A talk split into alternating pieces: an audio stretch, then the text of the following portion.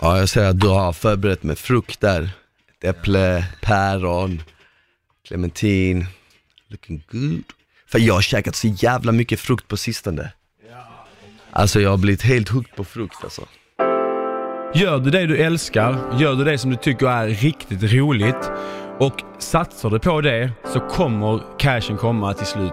Allt det här. Men det är klart, alltså, man måste ju offra. Man måste offra väldigt mycket. Kan man se det så kan man använda den formen till allt i livet. Ja.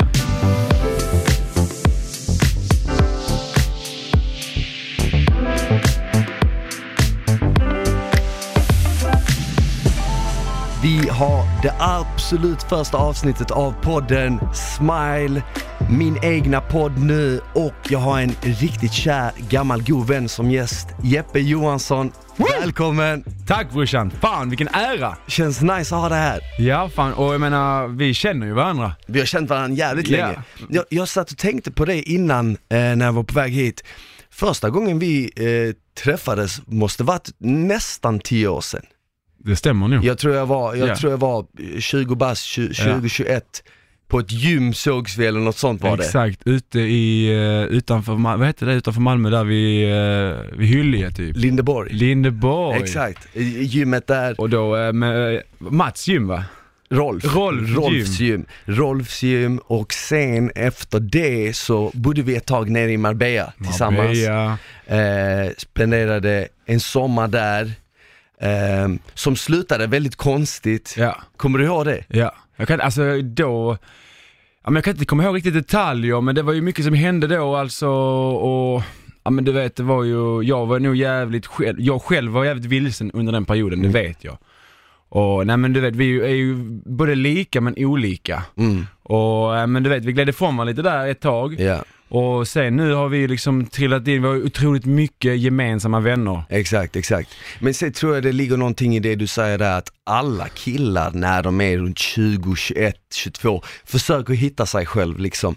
Speciellt när man kastar ut sig själv i världen och, och, och, och vägrar liksom stanna i sin lilla by eller sin lilla stad. När man utmanar sig själv och som vi gjorde, åkte till eh, Marbella liksom, helt ju det, nytt. ja. Och, och, och man får chansen att vara den man vill vara och man försöker hitta eh, sig själv liksom. Eh, men eh, sen efter det så kommer jag ihåg att eh, jag, jag kom hem efter Marbella, så satt jag med en polare, kollade på TV och så kom en reklam upp på TV och så var det mm, Paradise-reklamen. Och så var du med där liksom. Och så tänkte jag, fan jag känner Jeppe, vad fan. Och så var du med och så vann du den säsongen också. Och det var faktiskt det som fick mig att söka eh, första gången jag var med. Fan vad tungt, fan vad Det var ju tungt. för att jag såg dig och vi kände varandra och det gick så jävla bra för dig i programmet. Du vann ju liksom och eh, du kastade kulan, det blev ju så jävla, hela den finalen blev ju så dramatiskt, eller hur? Ja det var sjukt. Det var fan sjukt alltså. Det var jävligt mycket och jag kommer även ihåg när jag såg dig sen året efter. Ja. Eh, för just där och då hade vi inte den här kontakten. Nej. Utan, och jag, den, eh, den säsongen följde jag ju slaviskt. Ja, Och, och du och jag tillsammans kanske med Adrian och några andra få människor mm. tänker likadant när det kommer till att eh, spela spelet liksom. exakt, exakt, exakt. Vi tar det liksom för vad det är. Ja precis, precis. Exakt, vi, vi skiljer lite från liksom spel och känslor Yes. och tar det inte allt för personligt. Även om man blir ju lack när inne, Ja, men, där inne och där och då för stunden, men vi, är så där, liksom, vi kan ta varandra i handen efteråt och Ja, säga... såklart. Och det, jag försökte, jag gästade ju även Christian och Annas podd Ja. eh, och de kunde inte riktigt förstå, alltså de kan ju förstå men inte riktigt förstå. Nej, Eh, exakt, exakt. Och du är ju en människa som verkligen, eh, men, men det är verkligen, du har också kontroll på dina känslor. Eh, och f- jag tror du känner lite likadant som jag där liksom att vi, vi prioriterar kanske det, vårt privata liv ja. betydligt mer än kanske en månad in i Paradise och kan då liksom, ja men du vet, bortse från den här lilla PH-bubblan. Ja men verkligen, verkligen. Men en sak jag eh, tänkte på, det måste ha ändrat ditt liv rejält den första säsongen. Speciellt i och med hur det slutar liksom med den här kulceremonin. När du kom tillbaka till Sverige och det visades på TV. Eh, du, du kunde ju aldrig liksom gå ut och vara den gamla Jeppe igen, eller hur? Nej, det var ju, det gick, alltså det var verkligen dag och natt. Mm. Dag och natt och det tog ju, det tog väldigt hårt på mig alltså. Jag kommer ihåg att eh, Ja men du vet, man var ju på bargig, eh, du har också hållit på med de där grejerna betydligt längre än vad jag gjorde. Och nej men jag klarar inte pressen. Jag klarar inte pressen och det var nog som vi sa lite tidigare att jag var lite, ja men du vet jag var på en upp, uppfärdsvärld, alltså upp, vad heter det, upptäcktsvärld. Ja. Och försökte liksom hitta mig själv och när man då får all den pressen utifrån så gjorde det liksom att, nej men jag klarar faktiskt inte av det. Jag klarar inte av pressen. Du menar att folk fick tycka och tänka vad de än ville om dig? Även fast de inte kände dig så hade de en uppfattning om hur du var? Ja, De, de, men alla liksom, oh, jag, alltså de visste ju, de, enligt dem, de kände ju mig. Mm. För att man fick ju ändå mycket, man var mycket i tv-rutan och det, det blev typ lite skum, skev bild och jag kunde inte riktigt hantera det där och då. Och det var nog många yttre faktorer som gjorde det, inte bara det, det liksom. Men, eh, men nu, fan sex år senare, helt Ja. sjukt vad tiden går snabbt. Det går jävligt fort. Men sen, sen, sen träffades vi ju inne i huset också och var där Ja, ja, ja. tillsammans. Och då var det ju jävligt intressant för att eh, i och med att vi, vi är väldigt lika och vi är väldigt lika som spelare där inne så blev vi ju automatiskt eh, rivaler där inne. Det var ju nästan, Ja. det var oundvikligt. Vi hade, vi hade ju vars en sida. Vi hade varsin sida. och sen hade vi våra liksom, Ex- soldater kan man säga lite grann. Exakt, och det var jävligt intressant. Men det var också ehm, det var också där jag fick se en annan sida av dig och att, Ja. att det var den sidan ehm, som du pratade om här, att du, att du skiljer från spel och verklighet. Och det var du så mån om att säga där inne att, vad fan, vad som än händer här så ska vi ändå kunna hänga på utsidan. Ja. Och jag själv när jag kollar på första säsongen du var med kunde uppfatta kanske, men shit, undrar om han är så på utsidan också att han ska, eh, är kall liksom Ja, och liksom exakt. så här. Men det var det ju inte liksom, utan det var precis som i mitt fall att man, man nästan gick in i en karaktär. Ja. ja men Eller- det är lite skådespel, man får li- lite socialt experiment. Mm. Men jag kommer ju även ihåg att vi hade ju typ roligast tillsammans på festerna och så. Ja. Och sen när det kommer till det här spelandet, alltså vi kunde ju typ skratta Ja. åt varandra, Ja. vi visste ju om, alltså vad fan, Ja. det var ju så obvious liksom. Faktiskt, speciellt när man skulle typ säga, ah, men eh, vi kör nu, vi Ja. litar på det, vi kör. det gick inte. Men eh, sen har du kört nu igen, eh, den här säsongen som går nu, jävligt bra säsong för övrigt. Eh, men det slutade lite konstigt för din del, eh, helt plötsligt så var du liksom tvungen att lämna. Tack och adjö. Ja, alltså det var lite skumt för att det känns som, för, för en tittare utifrån känns det som att man inte riktigt fick en riktig förklaring till varför det hände. Nej, och jag menar jag har faktiskt själv inte riktigt fått, jag har inte fått att det var, du kastade den här äh, clementinen i ansiktet, det är därför du får lämna. Nej. Utan det var en ganska luddig förklaring som jag personligen fick och jag tror det var därför också. Och sen så tror jag hela, den, den händelsen som fick mig att lämna det var ju när det var redaktörer inne i bild. Ja. Och jag tror det gjorde mycket, att de, liksom, de kan ju inte visa det då. Nej, för jag kollade på ditt YouTube-klipp där du förklarar om hela händelsen och eh, jag tycker du förklarade på ett fair sätt, för du säger ju inte att det bara var eh, deras fel och det var liksom, du säger att du liksom också eh, kan ha varit hetsig, kan ha varit liksom så här, ja men full, Ja. alkoholpåverkad och det Väldigt. kan ha bidragit till att det blev en hets stämning liksom.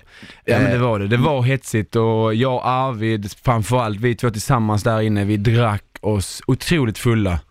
Och, men du vet, speciellt där då, så starksprit för mig, det kan liksom, det, då tappar jag lite gränser och sådär och då när man redan då är inne i en sarkastisk jargong, ja men du vet, det blir bara, det blir mer, det blir värre och värre och värre. Och för oss, för mig och Arvid och Marcus också som gillade liksom vi, alltså men Sen var det ju andra människor som inte kunde förstå det, till exempel Haidar. Han, alltså, eller, och vissa brudar och sådär, så de kunde inte riktigt, och då blev det kanske, då, för, i deras öron, så kanske det var liksom bara wow, alltså, men vi, Exakt. för oss var det bara ren skämt. Ja precis, precis.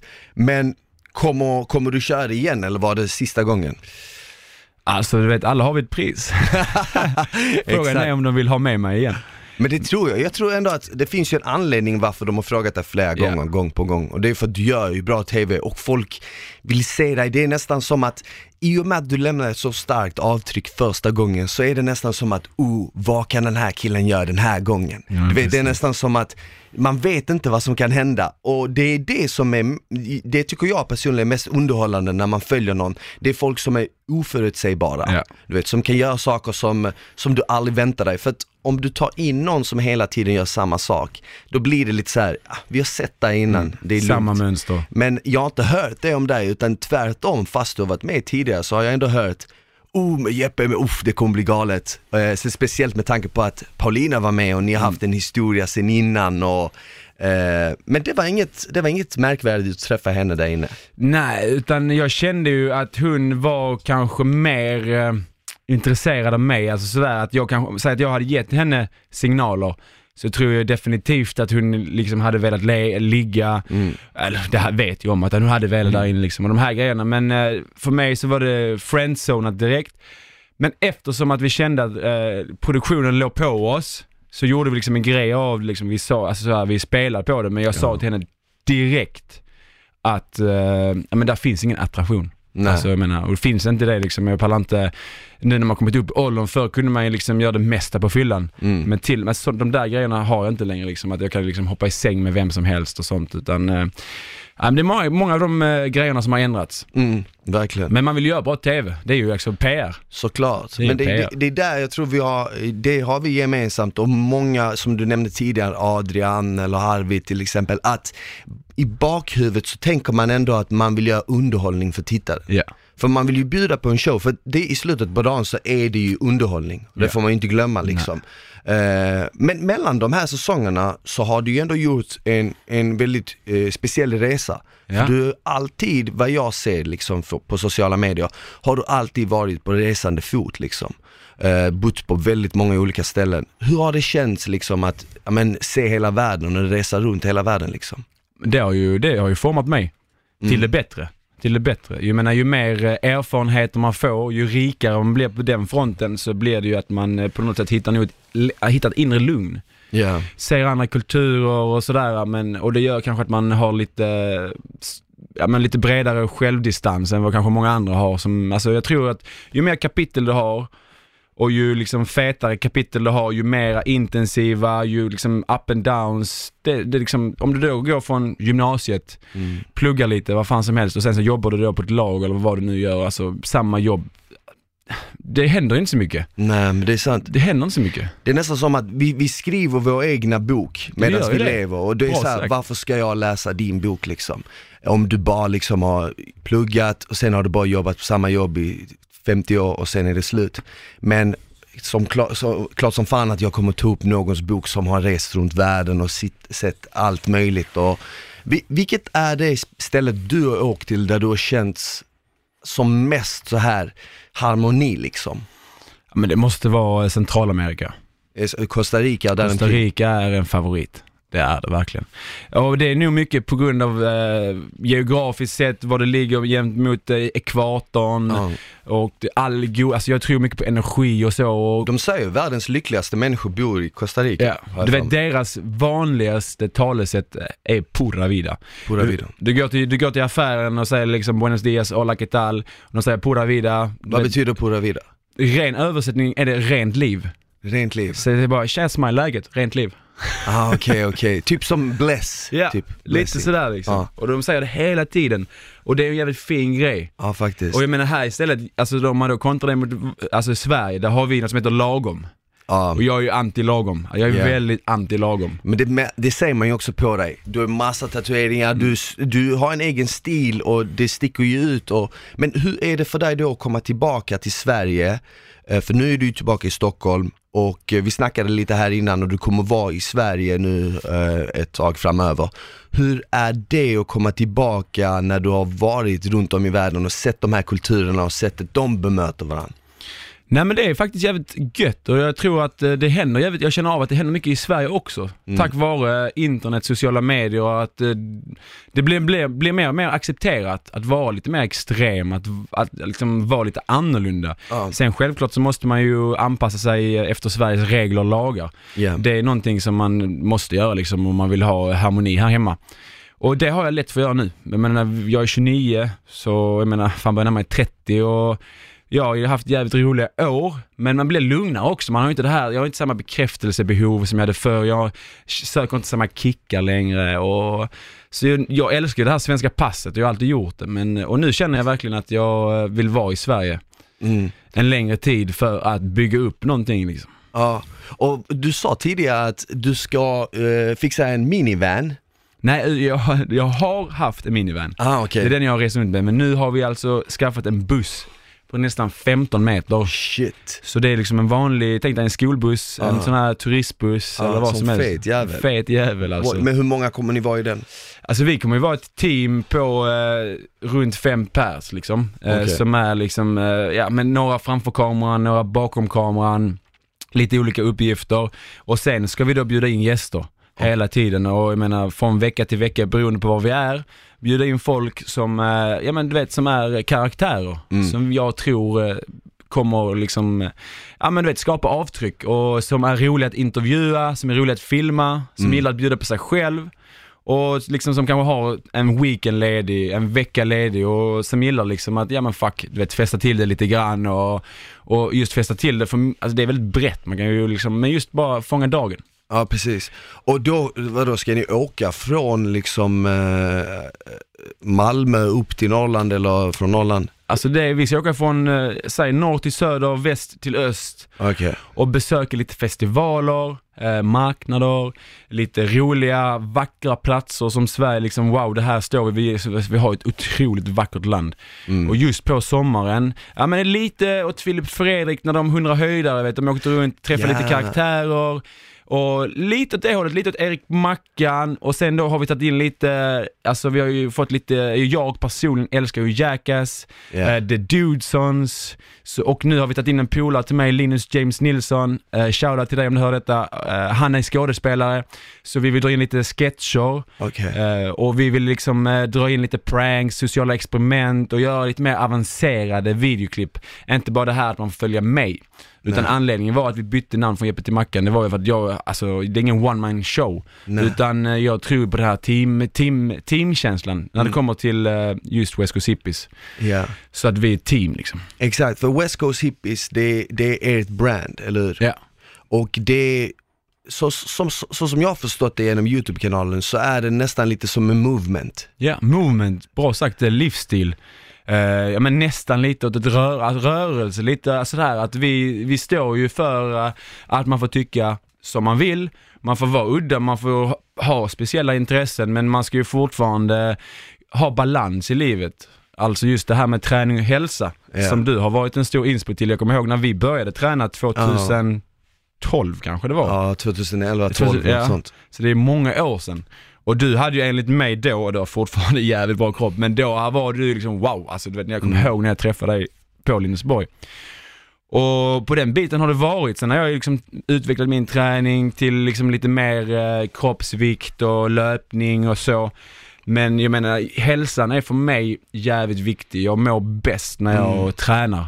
Ja men jag ser ju på din Instagram, du kör mycket så här kroppsvikt eh, mycket ca- calisthenics, Mycket calisthenics, mycket mm, handstående. Löpning, Löpning har jag börjat älska mer och mer. du kör, kör, mediterar du också? Ja, men alltså löpning är min meditation. Exakt. Men jag är, alltså jag vill, min största dröm är nu liksom att kunna hitta det här äh, riktiga, riktiga lugnet. Och liksom bara liksom kunna då liksom spacevandra och åka i olika dimensioner som du kan göra utan några andra substanser liksom, utan bara utnyttja dina egna, dina egna, ja men tankar liksom och släppa, eller egentligen släppa alla tankar. Ja så du är helt liksom boom, natt. Så du kommer in i the zone liksom. Ja. Men det måste, känna, det måste ändå vara en utmaning för nu, när du säger det så låter det jävligt lockande. Mm. Jag, hade själv, jag har själv försökt meditera men det är ingenting jag lyckas göra flera dagar i sträck utan Nej. det blir lite så här strö, en dag här, två dagar här men man vill ju gärna testa ja, men en halvtimme om dagen i ett år liksom. Ja. Se vad som skulle hända. Och det som jag kommer göra nu till hösten, det är att gå om passarna och det är en 10 dagars meditation. Okej? Och där, det tror jag personligen, vissa kanske inte behöver just det, men det kommer jag nog behöva för att, eh, alltså då mediterar du 8 till 10 timmar om dagen. Okej. Du liksom, det Men är du utan, för att jag har hört om det här, eh, vad folk går en vecka, två veckor och bor med liksom munkar i ett kloster Ja. och mediterar 10 timmar om dagen. Exakt, och du får inte prata. Ha, du får inte prata. Och du har ingen mobil, du har ingen, du, du liksom, du kliver in i din cell om man ska kalla det, ditt rum Mm. Ja. som är en cell i princip, det är bara en säng där. exakt. Och så eh, lever du riktigt spartanskt de närmsta 10 du får inte ens Mm. Prata. Nej, nej, nej. Och folk kommer tillbaka efter de 10 dagarna och är en ny människa i princip. Så, men lite så är det faktiskt. Och just att eh, de säger ju att det tar, att det, de första tre dagarna är, alltså det är då folk slutar liksom. Att de, de, de, de får en breakdown och vissa klarar inte av det. Men tar du dig igenom de tre dagarna sen, då, då, börjar, du, då börjar det gå jävligt bra liksom. Alltså, du? du går igenom det hela kroppen. Alla har vi kanske gått igenom någonting mindre bra, kanske i det här livet, i tidigare liv, men som du inte riktigt vet varför du har en knöl där, du vet inte varför du har den här känsliga punkten kanske om man går igenom kropparna sådär, triggermassage och sånt. Men då går man då igenom i en passarna, då har du även en mentor. Så för du kommer ju få upp massa märkliga tankar och det kommer ju liksom ta upp känsliga grejer, du kommer att gråta, du kommer att göra allt det här. Och då har du liksom en tung jävla mentor som säger, men det här är anledningen till varför du känner så här och så här. Så det är inte så att man kan liksom bara stänga dörren i tio dagar, Nej. vi hörs. Utan Nej. man behöver ju, man behöver ju mentor och det tror jag gällande allt. Ja. Gällande business, gällande meditation, gällande träning. För att jag menar, möts, träffar man inte andra människor som då har kanske mer erfarenhet och mer, eh, ja men du vet, som, är liksom, som kan andra grejer, det är då du kan komma in på andra tankebanor. Nej men verkligen. Och, och det är som du säger, det här med, med det mentala, det fysiska, eh, relationerna, eh, jobb, all, allting är ju liksom, det är nästan som olika pelare som alla måste stå starkt för att om en rasar så blir de andra liksom eh, knakiga. Men det, för jag får en känsla av att du hela tiden försöker förbättra dig själv eh, konstant. Medan många människor eh, går genom livet och eh, låter det liksom passera och liksom eh, eh, va, varför tror du att, va, va, varför tror du att du hela tiden försöker förbättra dig själv? Jag tror att jag behöver det för att liksom inte komma in kanske i några andra, så här. Alltså jag- jag mår bäst med utmana, alltså utmana mig själv. Delmål och klara av de delmålen, gå mot stora mål och liksom man måste ha, ja, det är min drivkraft här i livet. Och just träningen gör, för min del, det gör det enklare Ja. att liksom må bra. Jag vet inte, jag tror du är rätt lik där också, att man får skönare tankegång, sover bättre. verkligen. Och när man liksom, fan man vet ungefär hur mycket energi man ska lägga på det, man vet ungefär hur mycket man ska äta för att må bra. Ja. Och, för, för min del har det också varit mycket eh, där jag har varit på en väldigt, väldigt mörk plats någon gång i livet och mått dåligt. Och jag tror att när man har varit där och vet hur mycket den platsen suger, hur tråkigt det är där, så vill man inte dit igen, man vill inte tillbaka till det. Så man försöker hela tiden eh, bli bättre för varje dag för att komma längre, längre bort från det. Till slut så ser man inte det mörka hålet längre. Det, eh, Kan det vara så att du någon gång i ditt liv har varit någonstans var det ri- riktigt har, var du har mått skit liksom? Ja men absolut. Och jag menar det är ju, man, man ser det överallt liksom att alla, alla gör vi misstag, alla trillar vi. Men det är varje gång när du väl har trillat och du väl, väl kommer upp, när du väl reser dig upp, då har du ju liksom fått, då har du blivit ännu starkare. Alltså jag menar det är som när du bryter benet på det stället, när det väl är läkt så bryter du aldrig det, just den stället igen för då har du liksom, du har liksom healat dig själv på den platsen. Exakt. Och lite så är det med det mentala också. För Du, varje ha- du breakdown dig själv liksom. Ja. För varje mental, eller mental breakdown eller varje fysisk breakdown du har så tror jag liksom att du blir, eller det är ju bevisat att du blir du en starkare individ. Ja precis. Men kör, du har tidigare käkat eh, veganskt bara? Ja. Gör du fortfarande? Nej. Jag har faktiskt släppt det, eh, jag var fan helvegan i nästan fyra år. Ja. Och det var jävligt, det var tufft alltså. Jag tyckte det gav mig jävligt mycket. Men det var ju många dagar, speciellt då vi resande fot. Här hemma i Sverige så är det liksom, där äter jag nästan bara veganskt fortfarande. Men just resande fot och sånt, du vet, alltså, du vet, man blir bjuden på mat väldigt mycket, man är hemma hos polare, man kanske är på hostel, hotell, vad som helst. Och du vet, då kan man liksom bara, men jag kan inte äta det här. För det är lite mjölk i detta. Jag Ja. kan inte äta det för det är lite mjö- ägg i detta. Nej. Eller vet, jag som älskar fisk till exempel. Alltså så här. Och så, det lärde mig väldigt mycket men det, det tog mer på mig än vad det gav i långa loppet. Ah, Okej, okej, okej. För det var väldigt omständigt att hela tiden hitta rätt mat, Mm.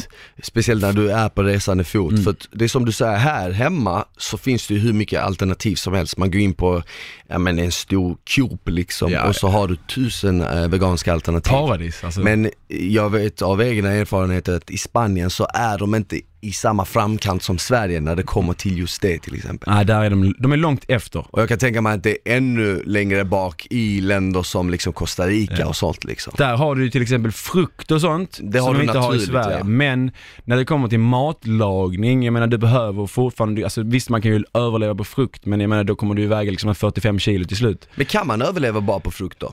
Ja men det tror jag nog man hade kunnat göra faktiskt. Alltså det finns ju fruktarianer, jag träffade några sjuka människor som typ mer eller mindre åt bara papaya.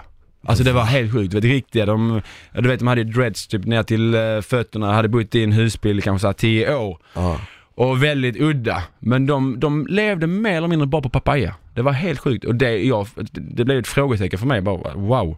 Shit. För att, men jag tror, jag har till och med läst om folk i Indien och så här som, ja men typ lever på ingenting. Alltså de, de dricker ingen vatten mer eller mindre, de äter ingenting, de sitter bara och mediterar och får liksom sin energi ifrån solen, ifrån eh, sin meditation. Så man kan nog, alltså jag tror att vi är någon form av mutanter.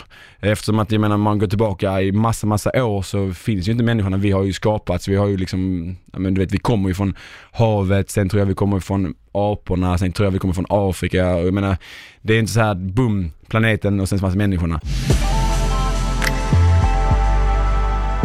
Du som ändå rest så jävla mycket, eh, du måste ha träffat väldigt speciella människor. Ja. Alltså Ja, du det måste ha träffat människor liksom som, eh, som har eh, så här, filosofier som är helt annorlunda än de här hemma i Sverige. Har du varit på något ställe var du har träffat folk som du känner så här eh, wow, där kan vi lära oss jävligt mycket fast än de är så långt bak jämfört med Sverige typ i teknologi. De har inga iPhones, de har inga datorer och sånt. Men deras sätt att tänka är väldigt så här shit vi hade kunnat lära oss av det. Ja. Jo, det, det har jag känt väldigt ofta, speciellt när du är i länder som är väldigt fattiga, men som kanske är väldigt berika, berik, berika på solljus. Mm. Till exempel. Så de har ju någonting som vi inte har. De har liksom sol 365 dagar om året, men de har inga cash i fickan. Nej. Och där kan jag se ett helt annat välmående än vad vi här i Norden har. Även om vi har all, alla gadgets du kan ha, fetaste bilarna, du kan liksom, ja men du vet om du liksom anpassar dig till det här hamsterhjulet så kan du ju liksom ha ett jävligt nice liv om du frågar många på grund av att du får köra en fet bil, du får ha en fet villa, du får jävligt bra sjukvård, alla de här liksom benefitsen som Sverige kan, eh, kan leverera. Men sen har vi den här nordiska vintern Mm. och jag tror eh, att den viktigaste energikällan är liksom inte mat utan jag tror det är, liksom, det är solen. Ja. Och det är därför vi har så mycket självmord och eh, alla de här liksom, os, alltså så här, vad heter det, o, o, ohälsa liksom, alltså Ja. den här psykiska ohälsan. Som vi har här i Finland, Sverige, Norge, Danmark. Som är typ högst i hela världen. Högst självmord tror jag Finland och Norge och Sverige har i hela världen liksom. Mm. Och det tror jag beror eh, inte just på att folk liksom, ja men just nu med sociala medier och sånt, jag tror jag kan göra det lite värre.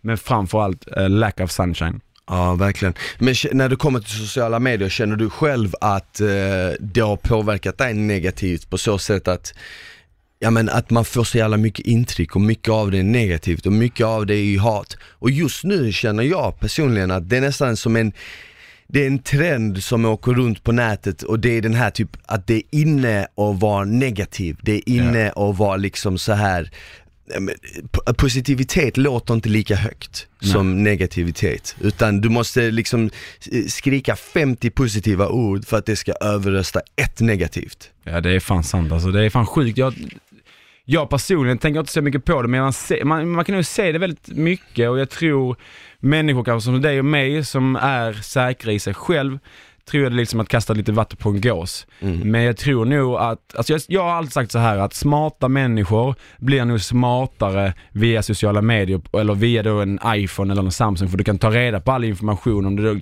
till exempel går igenom tillräckligt många källor Ja. och är du då liksom, har du huvudet på skaft så kan du liksom då själv ta fram liksom, eh, ja men en, eh, vad du tycker och tänker liksom. Mm. Men då, då väldigt många som jag känner, känner här hemma, liksom, de tappar det här sociala Ja. på grund av att de spenderar så många timmar genom att titta på vad andra gör. Verkligen. Och det är ju det här, och just inom vår, där vi har varit nu i de dokusåporna och sånt där känner jag att folk liksom, alltså de lägger ner så mycket tid på andra istället då som kanske vi då, att förbättra sig själv, göra, se sig själv lite som en, eh, som en bil eller vad som helst. Att ju mer tid du lägger på den, ju mer tid du står och putsar på den, ju bättre bensin du ger den. Alltså så här, Mm. allting, då blir du en bättre vara. Ja. Och jag tror liksom, jag tror på det här uh, eviga livet. Jag menar det är inte så att vi finns i den här kroppen, sen bara boom, lågan är släckt, vi, alltså, vi ses aldrig mer igen. Utan det är ju en, reco- vad heter det, recon... Recargination. Exakt, min engelska där men det är i alla fall, det tror jag på. Och jag har ju gått till eh, ett par så här spådamer och eh, testat mig fram i numerologi och allt det här och där, där får man se det på ett helt annat sätt. Jag har faktiskt aldrig någonsin fått min framtid spådd. Jag har varit lite, alltså jag tror på det, men jag har varit lite rädd för att jag vet inte om jag vill veta det. För då känner jag så här. Uff, det är nästan, du vet som om, om man ska gå på bio, man vill inte veta hur filmen Mm. Nej, nej, nej, slutar. Så jag har varit lite så, och sen har jag också tänkt, men tänk om det händer för att hon har sagt att det händer så jag börjar leva efter att det ska hända. Eh, men tror du på det? Nej, alltså jag håller med dig där, men det jag tror är viktigast, det är nog egentligen att ta reda på sitt syfte. Ja. Varför? Alltså att när, det kommer, man kan ju spå framtiden och så, men det har jag inte lagt någon krut på, utan framförallt då kanske spott mig tillbaka. Vad har jag då gjort i mina tidigare liv? Eller, och då som jag tror väldigt skarpt på, det är liksom att vi alla har ett syfte. Det är därför vi alla är olika. Mm. Det är därför till exempel du och jag, vi tycker vi trivs bäst eh, med att ha en tränad kropp och liksom ha den här goda fysiken. Mm. För att det har jag fått höra ifrån då x antal olika, ja men du vet spåtanter eller eh, tjejer som håller på med numerologi och det här. Och det är just att, tar man då reda på det, ju tidigare man får reda på sitt syfte, Mm. alltså så här och jag fick liksom då höra då att mitt starkaste nummer var fem som står för kroppen och det är liksom huvudet, armarna och benen. Och det säger sig själv att du mår bäst när du tar hand om din kropp för det är liksom det, det är ett väldigt, väldigt skarpt redskap för dig. Ja. Och sen då att jag gillar att, liksom, att inspirera, lära ut, det sa de också. Det här skådespel, det fattar man nu i efterhand. Mm. Och när man då får höra det, men vissa människor kanske får, måste få höra det för de kanske inte tänker alltså de banorna medan kanske folk som du, dig och mig, om vi nu tar det till exempel, har då förstått det undermedvetet för att vi har kommit fram till att wow, vi mår faktiskt bäst när vi tränar Ja. och sådana här grejer. Så jag tror många kanske hittar sin grej, men det tror jag också folk som går in i väggen och alla de här grejerna, det är ju för att de gör folk, eller de gör grejer som de egentligen inte brinner för. Nej exakt. Alltså hur ofta hör man någon som gör någonting som man älskar? Eh, hur ofta går de in i väggen? Ja, verkligen. Men jag tror att det har också mycket att göra med att folk eh, gör inte det de älskar för att de följer efter det som är populärt. Ja. Ja men det, du måste det lyssna på dig själv. det. Ja. Du måste lyssna på dig själv och gör du, gör du det du älskar, gör du det som du tycker är riktigt roligt och satsar du på det så kommer cashen komma till slut.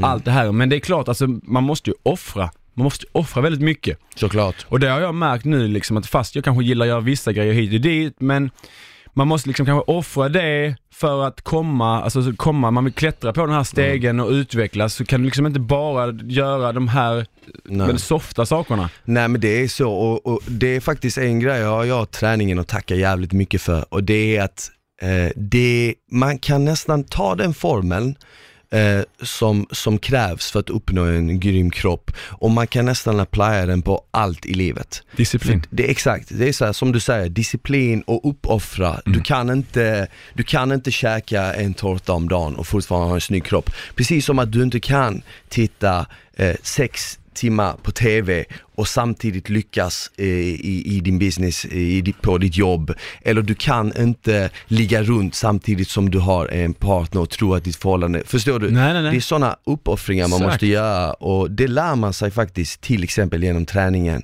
Ehm, och, och, och, och, kan man se det och lära sig det undermedvetet så kan man använda den formen till allt i livet. Ja. Relationer, jobb, allt möjligt liksom. Ja men så är det fan mig. Det är jävligt sant. Jag följer en kille som heter Ido Portal som är, eh, ja men det är min idol när det kommer till träning. Det är en portugisisk kille som har en bakgrund inom capoeira Okej. och han pratar hela tiden om tre steg.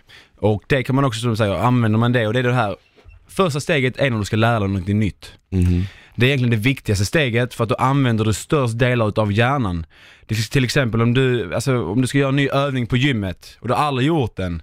När du ska börja göra det, då aktiverar du delar i din hjärna som är otroligt viktiga. Del två är sen då när man kan liksom på något sätt göra övningarna, men de är liksom inte hundra. Ja.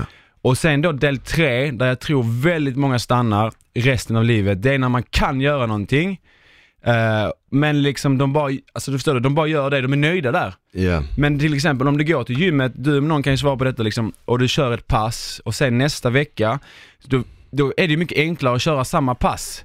Men ändrar du då övningarna så känner du ju att då får du, hittar du träningsverken, aktiveringen. Så är det ju.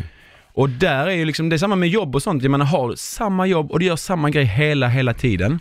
Så är, tror jag det är rätt lätt att hamna i den här liksom lite lata, onda spiralen. Och då, då, då tror jag att man kan fastna i sin utveckling. Mm. Både mentalt, fysiskt, med allt egentligen. Ja, verkligen.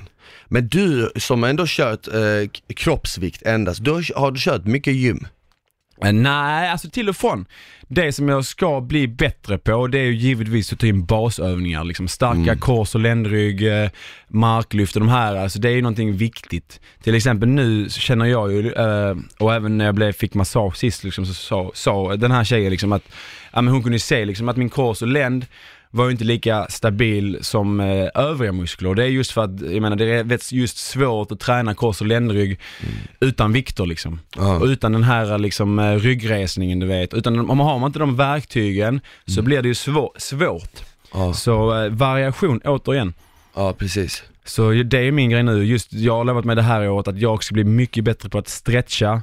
Det är också, det är sjukt tråkigt liksom, men Ja. jävlar vad det gör alltså god effekt för ditt alltså, kropp. Det gör det jävligt bra. Och, men jag tänker på en sak, för du, du har, eftersom du har käkat veganskt och ändå inte kört med eh, vikter, så har du ju ändå lyckats maintaina och bygga massa, vilket skulle egentligen låter jävligt svårt i och med att du får inte samma mängd protein, du kan få men det är mycket svårare och sen får du inte samma motstånd när du kör som du får med hantlar eller med vikter.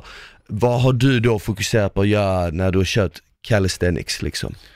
Nej men jag har hela tiden då försökt liksom istället då kanske när man, till exempel för att köra chins, istället då för att köra samma grepp, samma liksom breda grepp hela tiden så liksom kör du ett set breda, ett set smala, vänder händerna och där Ja. aktiverar du hela tiden, visst det är ju samma, du använder ju latsen hela tiden men det är fortfarande mindre muskelgrupper du kopplar in och sen så tycker jag liksom just balansen är jävligt viktig. Mm. Jag tänker, man, jag ser själv lite på mina morföräldrar och sånt, du vet, när de, ja men du vet, börjar tappa lite balans. Du vet så här, och läser man då på det till exempel på internet eh, och lite Alzheimer, alltså Alzheimers, tappa minnet och sånt.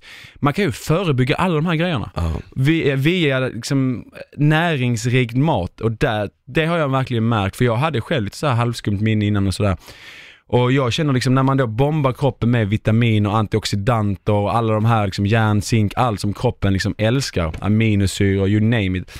Då, då, alltså gör man det och underhåller det liksom och bara pumpar i då, istället då till exempel för att äta husmanskost som vi svenskar har varit, alltså jag menar min mussafassa, de är uppväxta på husmanskost. Ja, Jag också, i princip. Och det är ju kokt mat. Ja precis. alltså kokt precis. mat med lite så här isbergssallad du vet och det här klassiska. Och den är ju, visst du kan bygga bra muskler på den hit och dit och det, för det är ju liksom kolhydrater, fett och proteiner.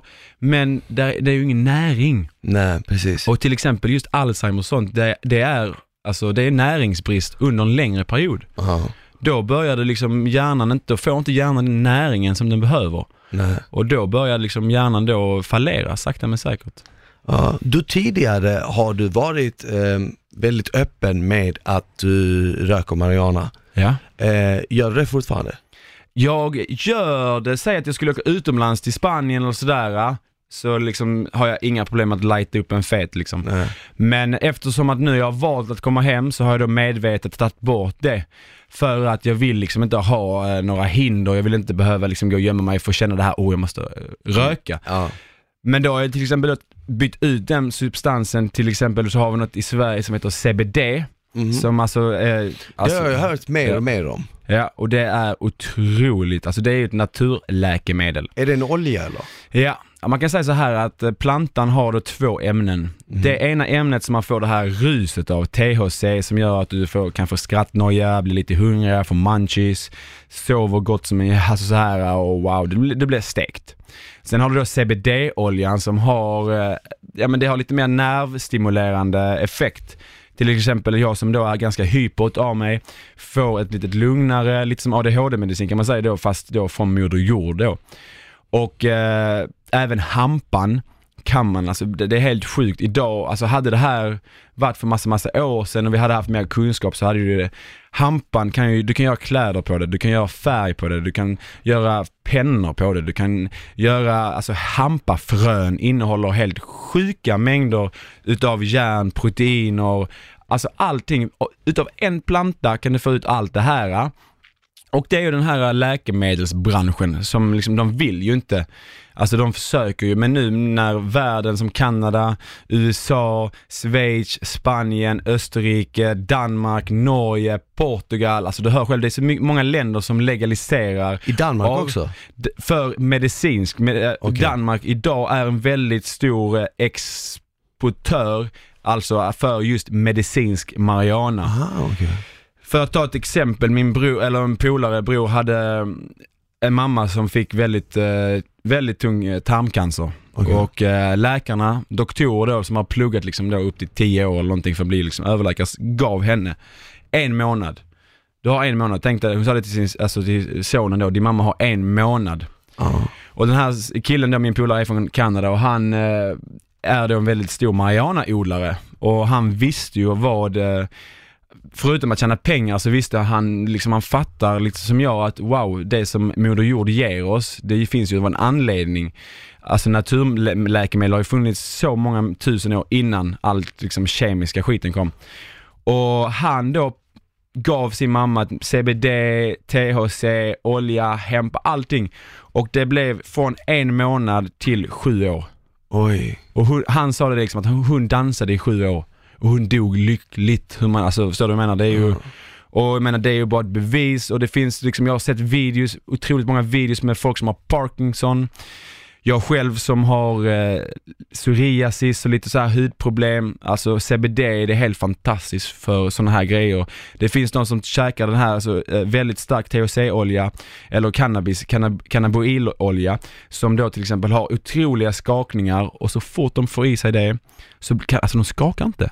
Nej. Alltså det är svart på vitt, det är bara så här liksom, det finns inga andra. Man kan så här få bromsmediciner hit och dit, som, men sen har man kanske massa andra bieffekter.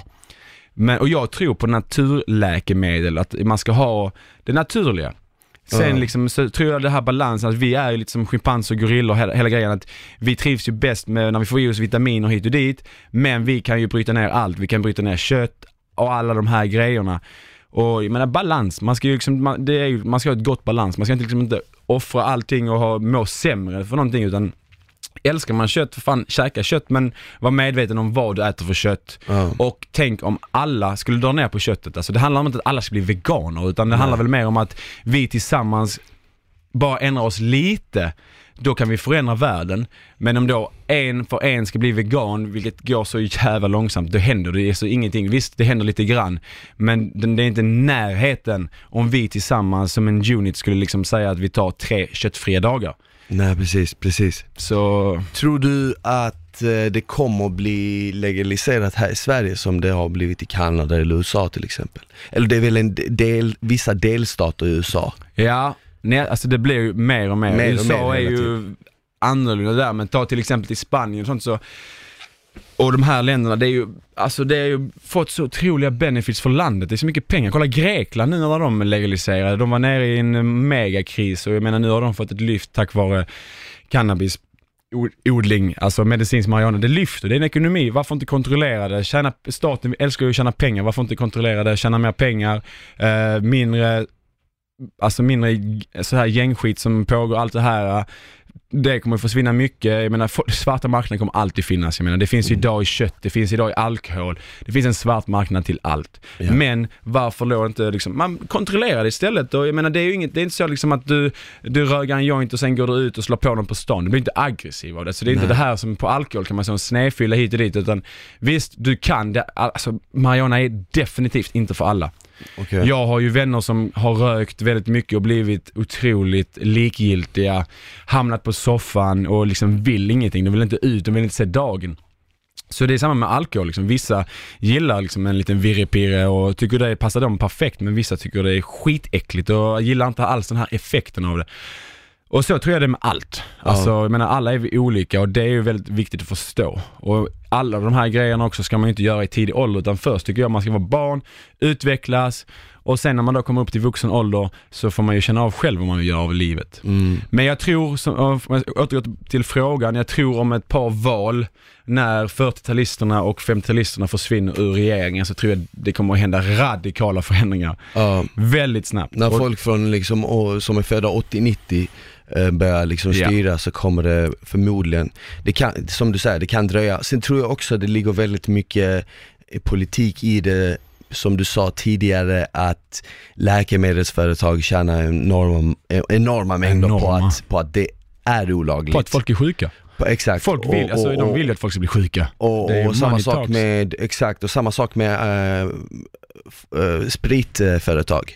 De tjänar ju också massa pengar på att det är olagligt för då kanske folk hellre, hellre dricker mm. än uh, röker marijuana till exempel. Exakt. Uh, fast en uh, kicken i slutändan är egentligen uh, detsamma om inte uh, värre på alkohol. Ja, yeah. och just bieffekterna och sådär, alltså jag märker ju själv till exempel att min psoriasis blir betydligt mycket värre om jag går ut, om jag dricker en, ett par öl en helg, om jag har en trevlig kväll med mina grabbar, dricker en liten virrepirre, kör ett par pilsner.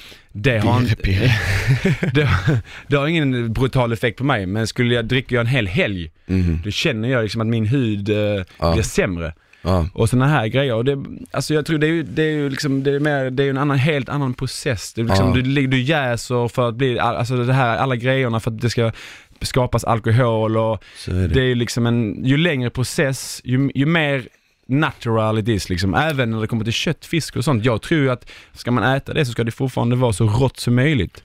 Att jag, jag tror inte på att man ska, just det här process, alltså man ska inte processiera. Nej. Kan man säga så? Jag, jag förstår vad du menar. Det, ja. Alltså alla de här tillsatserna. Jag personligen har eh, skippat alkohol till mm. exempel. Mm. Jag, kör, jag dricker kanske tre gånger på ett år. Yeah. Så nyår, när jag fyller år och kanske någon, något, an, något tillfälle. Men annars har jag hoppat det helt, medan förr var det liksom varje fredag, lördag. Ja man känner att det var, det var så här tvunget typ. Tvunget alltså. till, exakt. För, men det känner jag fortfarande om jag yeah. går ut, att jag känner den här, att jag nästan, mm, det är nästan bra om jag eh, liksom så här har en ursäkt, ja men jag kör eller något Exakt. sånt. För då är det så ja men då låter vi yeah. han vara liksom. Men annars om så, du inte har någon shot, ursäkt, shot, shot, shot, ja men verkligen. Och då, då, ställer jag mig frågan, men varför måste man dricka? Alltså varför ska det vara så? Eh, men det är också en grej som har, jag känner förbättrat min hälsa jävligt mycket. Det och eh, skippa rött kött. Ja. Eh, inget, jag käkar endast liksom eh, eh, kyckling och fisk. Ja. Och det har också gjort jävligt mycket för min hälsa. Och jag menar, jag hade precis nu också, eh, jag kan tycka det är jävligt gott med någon öl här och där, men nu hade jag 100 dagar med inte en droppe.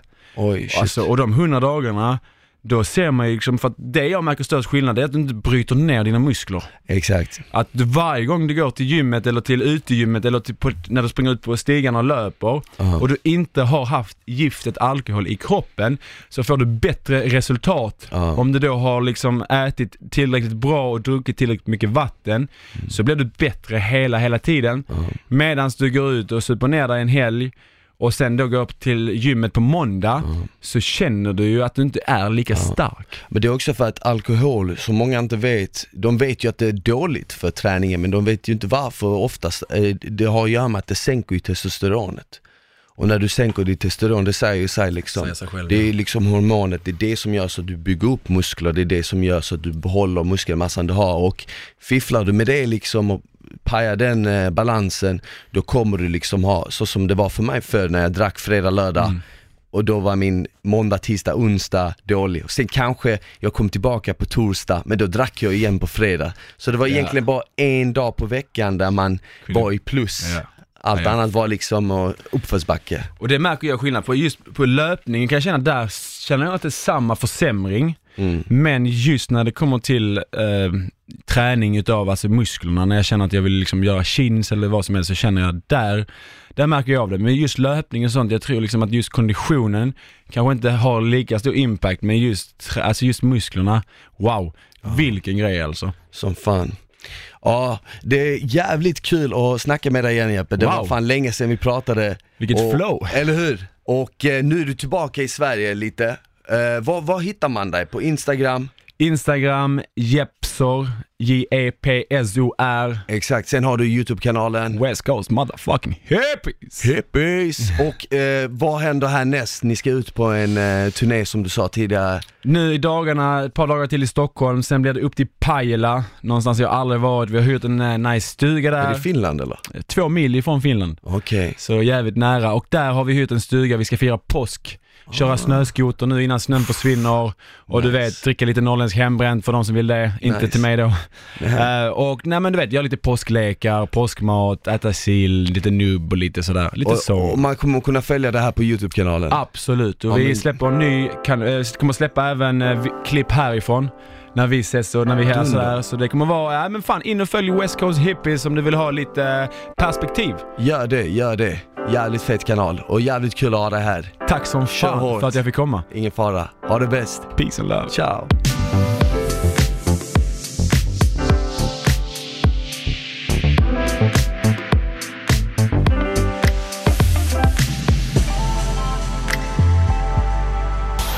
produceras av I Like Radio. I like radio.